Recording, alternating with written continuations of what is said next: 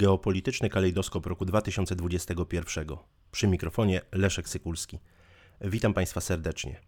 Rok 2021 był rokiem, który obfitował w istotne z punktu widzenia geopolityki wydarzenia i procesy. Myślę, że jednym z najważniejszych wydarzeń, które e, obserwowaliśmy w mijającym roku, jest wycofanie się wojsk amerykańskich z Afganistanu. Klęska Stanów Zjednoczonych w tej dwudziestoletniej, najdłużej trwającej e, wojnie w historii Stanów Zjednoczonych, no, w sposób bardzo istotny zmieniła e, krajobraz geopolityczny na świecie, w sposób bardzo istotny także odcisnęła swoje piętno na polityce zagranicznej i bezpieczeństwa tego, tego państwa. Ale to nie jedyne istotne istotne wydarzenie w mijającym roku.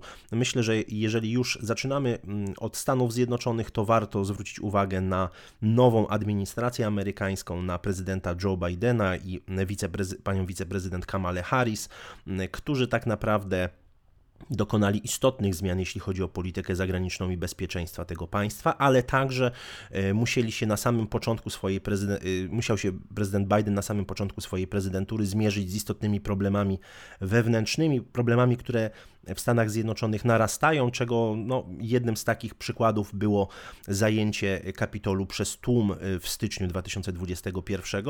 No i co oczywiście spowodowało także później pracę nad strategią zwalczania terroryzmu krajowego. Pierwszy taki dokument w historii Stanów Zjednoczonych, który w sposób istotny także mm, ingeruje i w prawa obywatelskie, mm, i w prywatność mm, obywateli amerykańskich, no ale biorąc pod uwagę te zaostrzające się tarcia, napięcia wewnętrzne, nie dziwi, że podjęto aż tak e, głęboką ingerencję właśnie w te prawa, w te prawa obywatelskie. Początek, y, początek roku to także przedłużenie o maksymalne 5 lat mm, układu Nowy Start o redukcji strategicznych zbrojeń jądrowych, y, układu mm, z Federacją Rosyjską. Joe Biden pokazał tutaj sporo dobrej woli, nie musiał y, podpisywać tego na maksymalny pięcioletni okres, jednak widać, że te zapowiedzi mm, ekspertów z otoczenia demokratów w trakcie kampanii w 2020 roku o szukaniu pogłębionego dialogu z Federacją Rosyjską znalazły swoje potwierdzenie. I to znalazły potwierdzenie już w styczniu e, przy przedłużeniu układu Nowy Start, ale także kolejne wydarzenia e, potwierdziły to. Myślę, że bardzo istotnym, mm, istotnym wydarzeniem było spotkanie, był szczyt Biden-Putin 16 czerwca w Genewie, podobnie jak wideokonferencja 7 grudnia. Mm, te rozmowy o strategicznej stabilności w Eurazji, które inicjowała strona amerykańska, pokazują wyraźnie taką e, chęć porozumienia się z Moskwą, jeśli chodzi o te najważniejsze e, kwestie stabilności strategicznej i no myślę, że także zagrożenie ze strony Chin jest coraz mocniej odczuwalne mm, w Stanach Zjednoczonych, czego najlepszym dowodem było stworzenie 15, ogłoszenie 15 września mm, stworzenia AUKUS, czyli takiego sojuszu militarnego między Stanami Zjednoczonymi, Wielką Brytanią i Australią. Mm, kilka, e, kilka e, istotnych tak naprawdę kontraktów, które mają mm, wzmocnić siłę militarną Australii, wywołało bardzo duże zaniepokojenie w Australii. Zresztą ta polityka amerykańska powstrzymywania Chin była bardzo, y, jest cały czas widoczna w polityce mm, administracji prezydenta Bidena. Myślę, że ta pierwsza wizyta w Europie, udział w szczycie G7, w szczycie NATO pokazał, że prezydent Biden będzie próbował tworzyć taką koalicję antychińską. Jeżeli już mówimy o AUKUS, no to trzeba także powiedzieć o, o odświeżeniu mm, formatu Quad, mówi się o formacie Quad Plus, zacieśnianiu relacji z Indiami, z Japonią, mm, mówi się tutaj o tworzeniu, o takiej perspektywie nawet mm, azjatyckiego NATO. Widać, że administracja amerykańska jest coraz bardziej zaniepokojona wzrastającą, wzrastającą potęgą Chin. Zresztą tą pewność siebie Chin było bardzo, można było zaobserwować w sposób niezwykle czytelny w marcu, kiedy doszło do spotkania Chiny-Stany Zjednoczone w Anchorage na Alasce, co tak naprawdę skończyło się poważnym, mm, poważnym mm, takim napięciem dyplomatycznym. Widać, że, mm, nowe, że obecne władze Chin w żaden sposób nie, nie czują respektu wobec, wobec Stanów Zjednoczonych jako supermocarstwa, traktują się y, na równi i, y, i, i widać, że te sankcje, które, które były, były nakładane na poszczególne osoby odpowiedzialne za chociażby represje wobec Ujgurów w Xinjiangu no nie zrobiły żadnego wrażenia tak naprawdę na, na władzach Chin. Niewątpliwie Stany Zjednoczone starają się Mm, torpedować różnego rodzaju inicjatywy chińskie, takie jak inicjatywa 17 plus 1 i rok 2021 był tego najlepszym potwierdzeniem. Mm, próba, mm, udana zresztą próba wyciągnięcia z tej inicjatywy Litwy, e, a także otwarcie przedstawicielstwa dyplomatycznego z nazwą Tajwan e, eksponowaną, no wywołało bardzo, bardzo znaczący taki konflikt dyplomatyczny między Wilnem a Pekinem, ale także no, oczywiście wiadomo, że że to nie była taka autonomiczna decyzja władz Litwy, zrobiły to mm, władze Litwy pod parasolem amerykańskim i niewątpliwie jest to tak, taki, można powiedzieć, jeden z tych elementów mm, ograniczeń wobec, wobec działań, e, działań chińskich. Rok 2021 to bardzo istotny rok, jeśli chodzi o nasz region, e, region Europy Środkowo-Wschodniej. E, to kwestia nie tylko mobilizacji wojsk rosyjskich przy granicy z Ukrainą, zarówno w pierwszej połowie roku, w kwietniu, jak i już na, na, na koniec roku. Y, te działania rosyjskie były obliczone na na tak naprawdę dialog strategiczny ze Stanami Zjednoczonymi i to się e, dwukrotnie udało. Tak jak już wspomniałem, 16 czerwca doszło do spotkania Joe Bidena i Władimira Putina w Genewie, 7 grudnia do wideokonferencji obu prezydentów.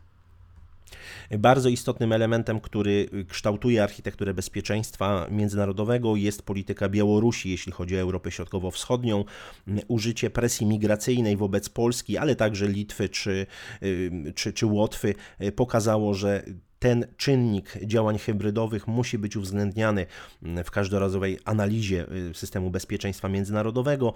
Widać, że mm, prezydent Aleksandr Łukaszenka przygotowuje się do zmiany swojej e, pozycji politycznej. Chodzi o, oczywiście o mm, zmianę konstytucji białoruskiej, o stworzenie nowego organu ogólnobiałoruskiego zjazdu ludowego i niewątpliwie takie zaostrzenie sytuacji z Polską było mu bardzo na rękę, e, pozwoliło skonsolidować aparat, aparat władzy, aparat bezpieczeństwa w Republice Białoruś. Także ba bardzo istotny, jeden z najistotniejszych procesów, jakie obserwowaliśmy w mijającym roku, to podpisanie mm, przez Białoruś i Rosję 28 projektów e, takich integracyjnych, tak zwanych map drogowych integracyjnych, które w sposób bardzo ścisły wiążą Republikę Białoruś z Rosją. Myślę, że jest to wielka porażka polskiej polityki wschodniej. Tak naprawdę Białoruś w roku 2021 moim zdaniem została ostatecznie e, stracona dla, mm, dla celów e, polskiej polityki.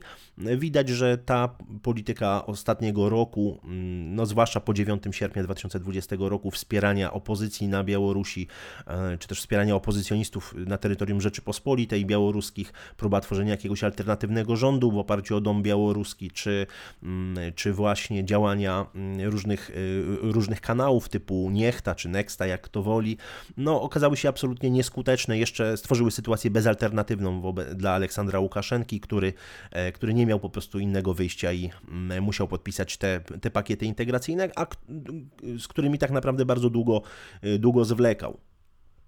Rok 2021 to nie tylko zacieśnienie integracji między Białorusią a Rosją, ale także bardzo istotne e, procesy integracyjne, jeśli chodzi o Unię Europejską. Myślę, że warto odnotować e, nie tylko e, stworzenie nowego rządu i mm, w Niemczech, w Republice Federalnej Niemiec, który składa się z trzech partii, SPD, Zielonych i FDP. Mm, Olaf Scholz, nowy kanclerz Niemiec, zastąpił na tym stanowisku Angelę Merkel, która po 16 latach złożyła urząd. E, no i niewątpliwie ten rok e, przypieczętował testament geopolityczny Angeli Merkel. Przede wszystkim należy tutaj odnotować ukończenie budowy Nord Stream 2.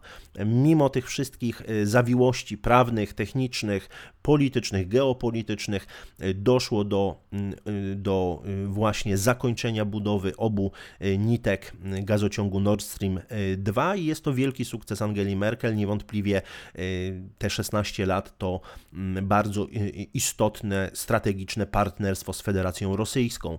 E, warto odnotować, że tutaj Stany Zjednoczone również prowadziły politykę niezwykle uległą, nie tylko wobec Moskwy, ale także Berlina. Widać, że Donald, że w odróżnieniu od Donalda Trumpa, Joe Biden bardzo mocno postawił w swojej polityce zagranicznej na politykę offshore balancingu.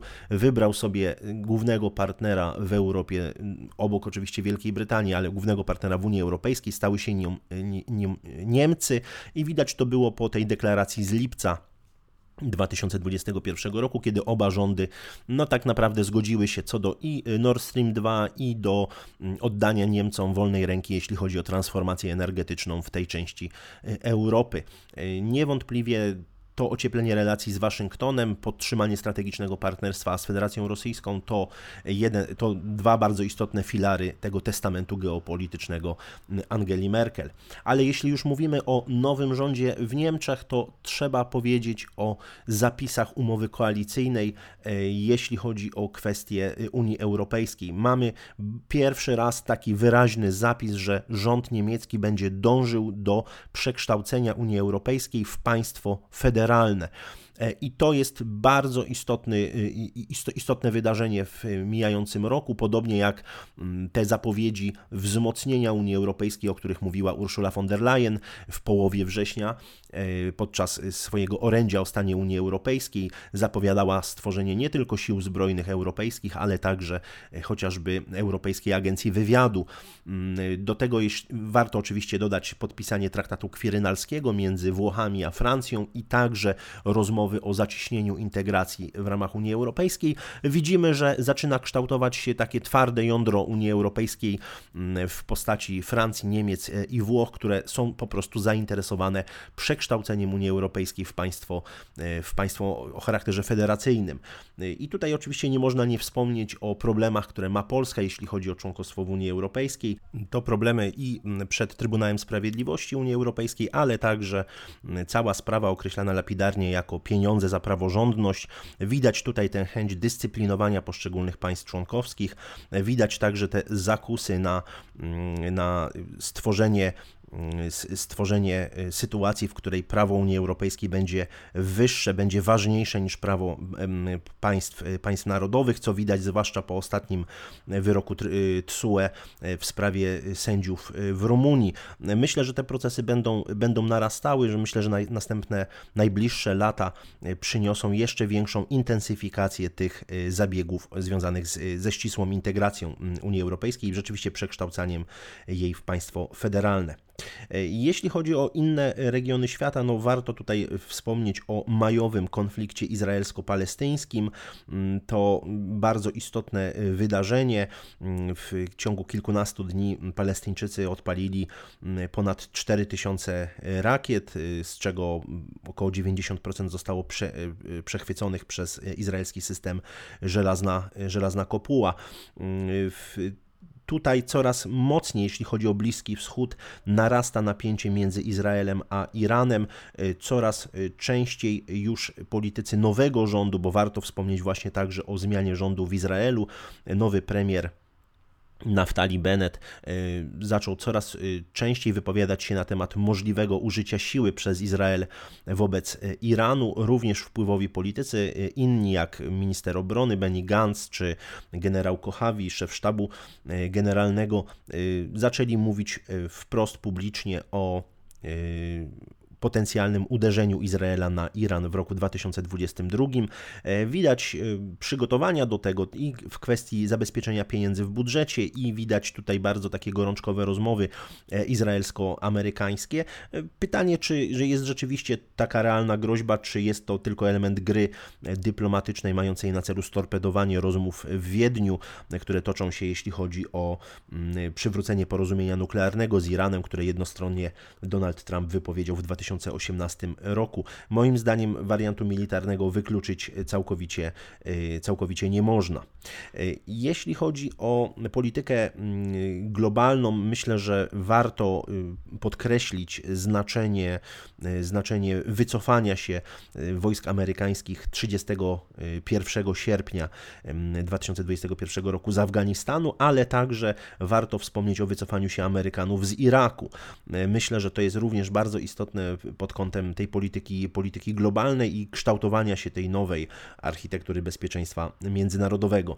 Wracając na chwilę jeszcze do, do Polski, do naszego regionu, warto mm, odnotować nie tylko ćwiczenia Zapad 2021, które odbyły się we wrześniu, ale także aferę z systemem Pegasus, która no, kładzie się cieniem tak naprawdę na sprawności państwa polskiego, na sprawności polskich służb specjalnych, które tak naprawdę no, przekazały e, informacje wrażliwe o czołowych postaciach życia publicznego w ręce obcego wywiadu. Jest to jeden z największych e, skandali III Rzeczpospolitej i niewątpliwie e, kładący się cieniem na sprawy bezpieczeństwa państwa, biorąc pod uwagę zaostrzające się relacje polsko-białoruskie, polsko-rosyjskie oraz sytuację związaną z pierwszym dezerterem z Wojska Polskiego w dziejach III Rzeczypospolitej Myślę, że to, to bardzo destrukcyjne mm, działania, mm, jeśli chodzi w ogóle o całokształt bezpieczeństwa państwa polskiego.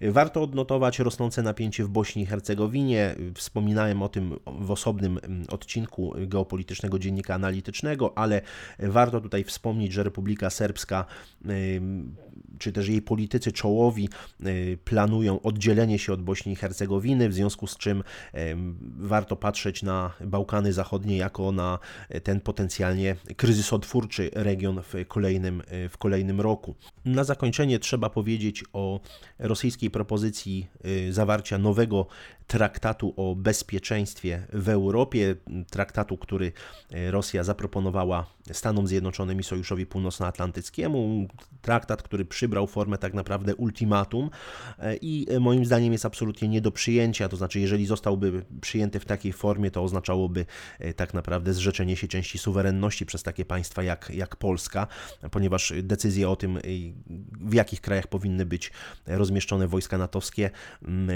no ta decyzja byłaby przekazana w ręce, w ręce Moskwy. Myślę, że to jest po prostu nie do zaakceptowania. Natomiast y, jeżeli chodzi o rok 2022, będzie on bardzo istotny, jeśli chodzi o kwestie energetyczne, ale także kwestie właśnie związane z bezpieczeństwem y, zbiorowym. Myślę, że bardzo istotnymi y, wydarzeniami będzie proces starania się o certyfikację Nord Stream 2, będzie także kwestia uruchomienia Baltic Pipe, planowanego na 1 października 2022 roku, no i oczywiście perspektywa, perspektywa ewentualnego przedłużenia kontraktu z Gazpromem albo poszukania alternatyw, jeśli chodzi o e, dywersyfikację dostaw gazu do Polski. Przypomnę tylko, że 31 grudnia 2022 roku wygasa ten e, kontrakt zawarty jeszcze w latach 90. przez rząd Waldemara Pawlaka. Natomiast myślę, że i Federacja Rosyjska i Stany Zjednoczone będą kontynuowały dialog w sprawie stabilności strategicznej w Eurazji. Niewykluczone, że zostanie podpisany jakiś nowy traktat bezpieczeństwa, ale wątpię, aby e, w tym kształcie, który ostatnio zaprezentował e, Siergiej Ławrow. Dziękuję Państwu za uwagę.